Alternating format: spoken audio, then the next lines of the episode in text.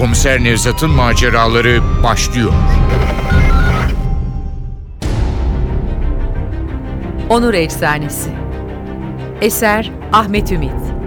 Radyoya uyarlayan Aynur Altunkaş. Seslendirenler Başkomiser Nevzat Nuri Gökaşan Komiser Muavini Ali Umut Tabak Suat Tolga Tibet. Berber Sefa Zengin. Ruhi Mehmet Ali İşgüder. Güzin Funda Kıpçak. İrina Tuğba Gürler. Efektör Ufuk Tangel. Ses Teknisini Saniye Tekinbaş. Yönetmen Aziz Acar.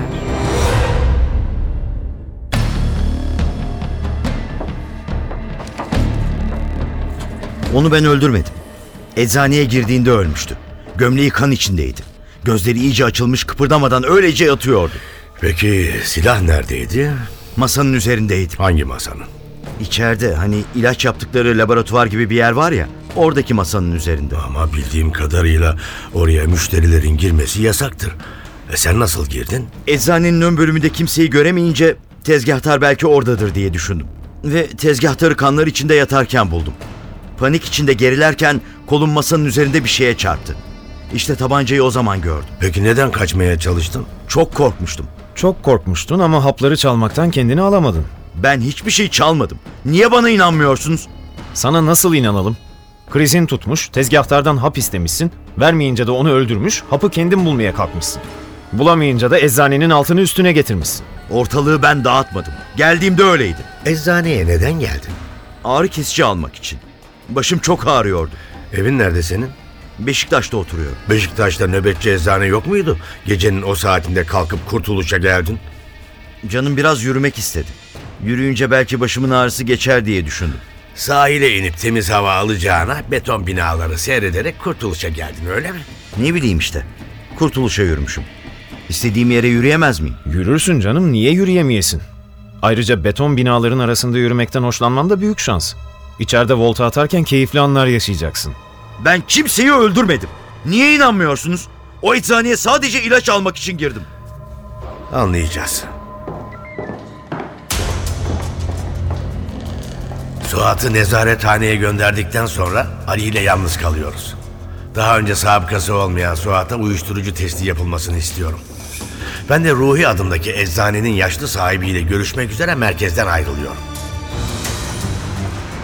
Kurtuluş'ta kişiliksiz, yeni yetme beton binaların istilasından kendilerini kurtarıp ayakta kalmayı başaran 100 yıllık apartmanlardan birinde oturuyor Ruhi Bey. Yaşı 70'in üzerinde olmalı. Ama insanın karşısında dimdik duran incecik bedeni, yaşama hala büyük bir ilgiyle bakan mavi gözleri onu daha genç gösteriyor. Biraz üzüntülü ama nazik bir tavırla karşılıyor beni. Nevzat Bey değil mi? Buyurun salona geçelim. Orada daha rahat konuşuruz. Korkar mısınız yoksa? Yo tersine. Köpekleri çok severim. Adı Boncuk. Hanımla benim can yoldaşımız. Duvarları tablolarla, sararmış resimlerle süslü geniş bir salondaki eski koltuklardan ikisine karşılıklı oturuyoruz. Oturduğum koltuğun yan duvarında gümüş çerçeve içinde eski bir fotoğraftan genç bir kadın bana bakıyor. Benim hanım cerrahtı. Türkiye'nin ilk kadın cerrahlarından. Belki ismini duymuşsunuzdur. Güzin Hanım. Ha, duymadım. Birçok önemli ameliyat gerçekleştirmiştir. İşini çok severdi. Ama bir ameliyat öncesi elleri titremeye başladı. Geçer diye düşündük, geçmedi. Daha da ilerledi. İşi bırakmak zorunda kaldı. Sonra da felç geldi. Şimdi tekerlekli sandalyede. Ah, buna da şükür. Ne diyeceksiniz? Hayat. Efendim sizi rahatsız etmemin sebebini tahmin ediyorsunuzdur. Evet çok üzüldük. Oğlum gibiydi Kemal. Babası bu apartmanda kapıcıydı. Reşit Efendi. Allah rahmet eylesin. Çok temiz adamdı. Kemal okumayı seven bir çocuk değildi. İlkokulu bile zar zor bitirdi. Reşit Efendi de elinden tutup benim eczaneye getirdi. Ruhi Bey Bu çocuk sokaklarda serseri olacak. Şunu yanınıza alın. Ona mesleği öğretin. İş güç sahibi olsun. Büyük sevaba gireceksiniz dedi. Ben de Kemal'i yanıma aldım. Eh, dile kolay. 25 yıl birlikte çalıştık. Bizim hanım hastalanınca onunla ilgilenmem gerekti. Eczanenin bütün işlerini Kemal'e bıraktım. Olay nöbet sırasında olmuş. Siz daha önce böyle bir saldırıyla karşılaşmış mıydınız hiç?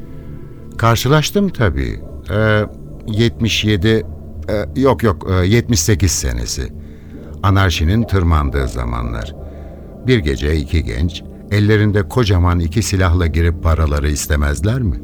Kasada ne varsa. Canından daha kıymetli değil ya. Katili yakalamışsınız ama. Tek tesellimiz bu. Hapçıymış değil mi yakaladığınız kişi? Onun katil olduğu kesin değil. Henüz soruşturuyoruz. Kemal'in düşmanı var mıydı? Düşmanı mı? Hmm, sanmam. Gerçi bundan bir yıl önce bir Rumen kadınla yaşadığını duyduk. Ama düşman olduğunu sanmıyorum. Siz eczaneyi ona mı devretmiştiniz? Ne münasebet efendim. Onun diploması yok ki. Sadece bana yardım ediyordu. Onur eczanesi benimdir. Birkaç önemsiz soru daha sorup ayrılıyorum bu iki eski İstanbullunun evinden. Köpeği Boncuk'la birlikte yine kapıya kadar geçiriyor beni Ruhi Bey. Evden çıktıktan sonra eczaneye kadar yürüyorum. Arası beş dakika var yok. Eczane kapalı. Vitrinden içeri bakıyorum. Her yana saçılmış ilaç kutuları da olmasa dün gece burada cinayet işlendiğini gösteren hiçbir belirti yok. Eczane bugün açılmayacak. Ya Biliyorum. Ben başkomiser Nevzat. Olayı soruşturuyorum. Az önce sizin ekip buradaydı. Eczanede arama yaptılar. Yanlarında köpekleri de vardı. Sonra sokaktaki çöp torbalarına da baktılar. E, Dün gece cinayet saatinde dükkanın açık mıydı? Açıktı tabii. Katili bizim dükkanın önünde yakaladılar. Katil eczaneden çıkarken ekip otosuna rastlamış. Korkup kaçmaya başlayınca polisler de peşine düştüler. Peki sen önceden bir şey gördün mü, duydun mu? Ne birini gördüm, ne bir ses duydum. Yalnız o saatlerde boncuğun havlamasını duyar gibi oldum. Çok severim o köpeği. Hemen dışarı çıktım. Ama göremedim. Herhalde yanılmışım diye içeri girdim. Üç el ateş edilmiş diyorlar. Biz niye silah sesi duymadık? Katil ses çıkarmasın diye tabanca namlusunun önüne pamuk paketlerini koymuş. Nasıl biriydi bu Kemal? Karanlık biriydi. Son zamanlarda parayla oynuyordu. Bir de Romanyalı bir kadın bulmuş kendine. Bir mafyaya bulaştığını duyduk. Tefecilerden para alıyormuş. Cins cins adamlar gelip gidiyordu eczaneye. Bir gece eczaneyi de kurşunladılar zaten. Dün gece yakalanan herif de daha önce gelmişti buraya. Emin misin? Kemal'le tanışıyorlar mıydı? Eminim. Arkadaşlar mı bilmem ama tanışıyorlardı. Peki şu eczanenin kurşunlanma işi ne? Vallahi işte beş ay önce filandı. Bir arabadan vitrine ateş edildi. Polisler geldi tutanak tuttu. Ruhi amca çok sinirlendi bu işe. Kemal'le tartıştılar. Sen ne yapıyorsun bu eczanede diye bar bar bağırdı yaşlı adam. Kemal pek takmadı Ruhi amcayı. Sence mafya mı öldürdü Kemal'i? Başka kim olabilir ki? Tefecilerden borç almıştır. Borcunu ödemeyince de vurdular. Merkeze giderken berberin söylediklerini düşünüyorum. Ama bu olasılık nedense kafama yatmıyor. Bir eczacı kalfasının tefecilerden para alması, sonra bunu ödeyemediği için öldürülmesi hiç de mantıklı değil. Merkezde dudaklarında muzaffer bir gülümseyişle karşılıyor beni Ali. Bizim oğlan eski uyuşturucu müptelası. Eski mi? Evet, artık kullanmıyor ama satıyor. Evinde eroin bulduk. İşte duymak istediğim haber. Suat'ı sorguladınız mı? Sorguladık. Her şeyi itiraf etti. Cinayet dışında. Israrla cinayeti kendinin işlemediğini söylüyor. Katil Django Recep olabilirmiş. Onu Kemal'le tanıştıran da Django'ymuş. Ama Kemal'e pek güvenmiyormuş. Galiba bir de kız meselesi varmış aralarında. Django'nun eski Rumen sevgilisini Kemal kapmış. Ama asıl önemlisi Kemal'in malı çaldığından şüpheleniyormuş adam. Eczanedeki dağınıklığı da buna bağlıyor Suat. Django Kemal'in sakladığı malı bulmak için arama yapmıştır diyor. Ama Django malı bulamamış. Çünkü siz buldunuz. Nereden biliyorsunuz? Boş ver nereden bildiğimi. Eroin mi? Eroin 50 gram.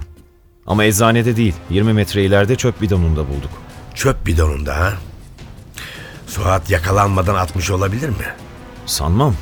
Suat ters yöne koşmuş. Üstelik paketin üstünde sadece maktulün parmak izleri var. Yani paket eczaneden alınmış.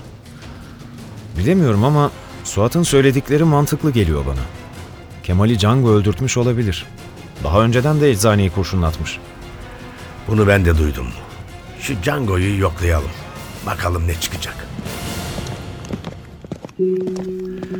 Django Recep'in yeni kapıdaki çay bahçesini o gece basıyoruz. Ruhsatsız iki silahla üç adamını, beş de Rumen uyruklu hayat kadınını yakalıyoruz. Ama Django Recep ortalıkta yok. Sorguda adamları Django'nun bir hafta önce yurt dışına çıktığını söylüyor. Kontrol ediyoruz, doğru çıkıyor. Django lakaplı Recep Kureyş bir hafta önce Romanya'ya gitmiş. Herhalde adamlarına ölüm emrini verip öyle gitmiştir. Ülkede olmadığı için onu suçlayamayacağımızı düşünüyor. Doğru düşünüyor ama Romanya'ya gitmesi ilginç.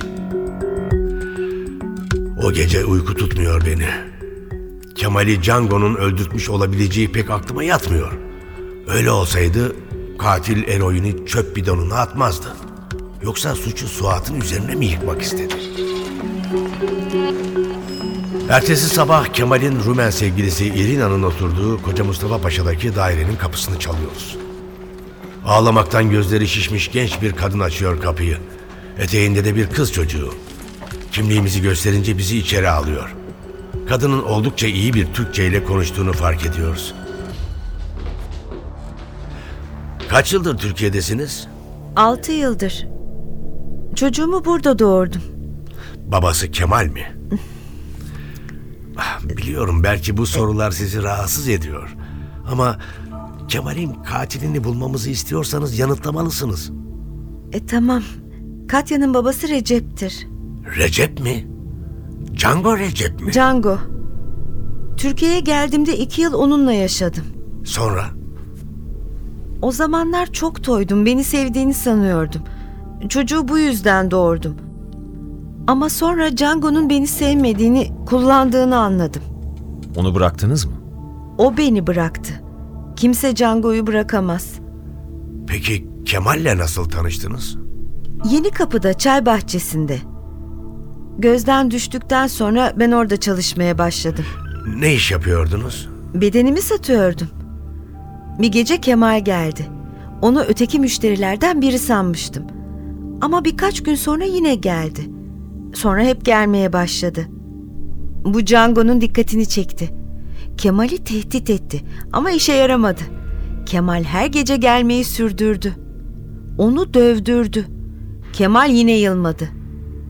Bunun üzerine Django beni ona verdi. Ama bir şartı vardı. Kemal uyuşturucu işine girecekti. Satış için eczane iyi bir paravan olacaktı. E, Django eczaneyi kurşunlatmış. Yanlışlıkla oldu. Django'nun malı eksik çıktı. Kemal'den kuşkulandılar. Ama sonra malın eksik geldiği ortaya çıktı. Django Kemal'den özür diledi. Seni Kemal'e Django yollamış. Ama bak kızı var. Sonra kıskanmış olmasın. Siz Kemal'i Django'nun öldürdüğünü mü düşünüyorsunuz? Ama bu çok saçma. Kemal Django'ya iyi para kazandırıyordu. Django bunu yapmaz. Söylediği o kadar mantıklı ki içimden başka soru sormak gelmiyor. Irina'nın evinden çıkıyoruz. Bu işte Django'nun parmağı yok. Bence katili arayacağımız yer kurtuluş.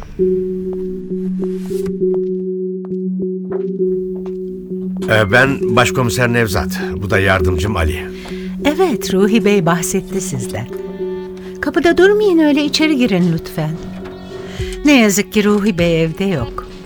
Bizim boncuğu gezdirmeye çıkardı. Sabah ve akşam iki kere gezmezse sinirleri bozuluyor Haylaz'ın. Buyurun buyurun şöyle oturun. Her gece gezmeye çıkarır mı köpeği? Her gece. Yoksa bizi uyutmaz boncuk. Eh, Kemal'i tanırdınız herhalde. Çok feci hala inanamıyorum. Sizin için çok üzücü olmalı. Ruhi Bey de oğlu gibi severmiş Kemal'i. Çok üzüldük. Ölünün arkasından konuşmak doğru olmaz ama söylemeden edemeyeceğim. Son dönemde Kemal çok bozulmuştu. O terbiyeli sessiz çocuk gitmiş, yerine sinsi kaba bir adam gelmişti. Gözümün içine baka baka yalan söylüyor, paramızı çalıyordu. Nasıl anladınız bunu? Son bir yıldır eczaneden gelen para yarı yarıya düşmüştü.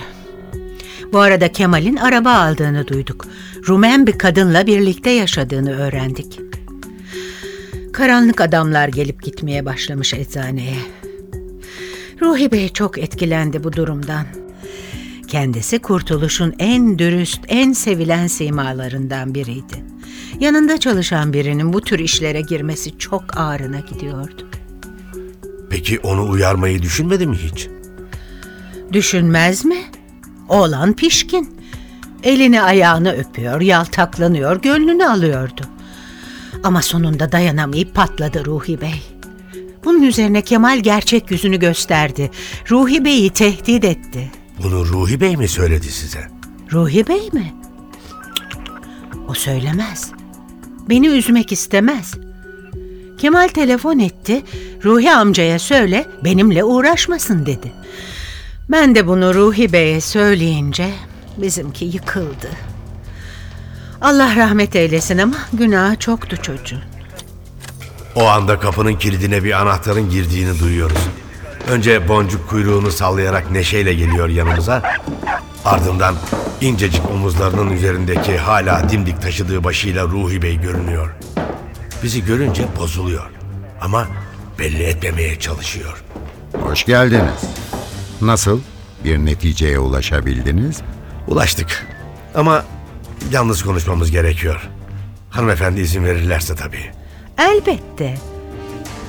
Ben yan odada olacağım. Bunu nasıl söyleyeceğimi bilemiyorum. Ama bütün izler size çıkıyor Ruhi Bey.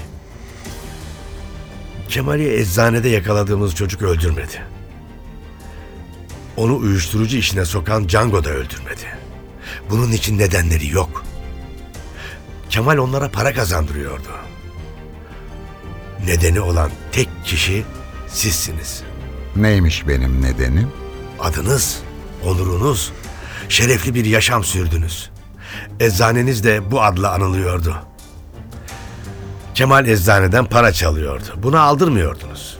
Ama orada uyuşturucu pazarlanmaya başlayınca buna dayanamadınız. Onu öldürdünüz. Eczanenizde bulunmasın diye de uyuşturucu paketini çöp torbasına attınız. O halde tutuklayın beni. Ne yazık ki yeterli kanıtımız yok. Her şeyi planlamışsınız. O zaman yeterli kanıtınız olduğunda gelin.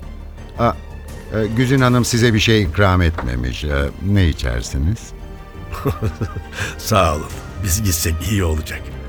Yalnız merak ettiğim bir şey var. Vicdanınız rahat mı Ruhi Bey? Valla bir yıldır uyku uyumuyordum. Ama iki gündür bebekler gibi mışıl mışıl uyuyorum. Bu size bir şey anlatıyor. mu?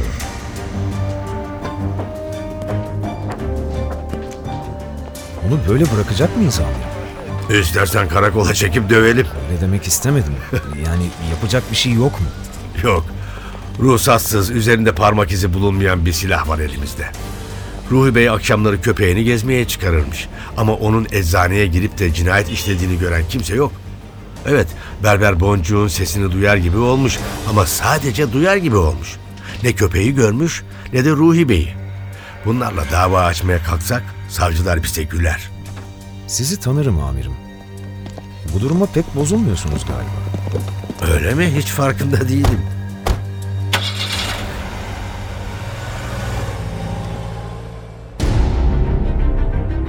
Onur Efsanesi Eser Ahmet Ümit Radyoya uyarlayan Aynur Altunkaş Seslendirenler Başkomiser Nevzat Nuri Gökaşan Komiser Muavini Ali Umut Tabak. Suat Tolga Tibet. Berber Sefa Zengin.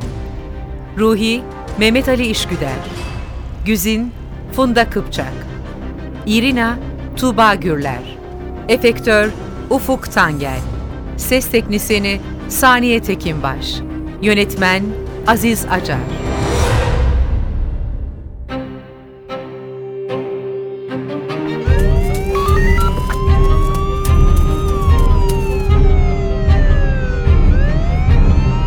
Komiser Nevzat'ın maceraları.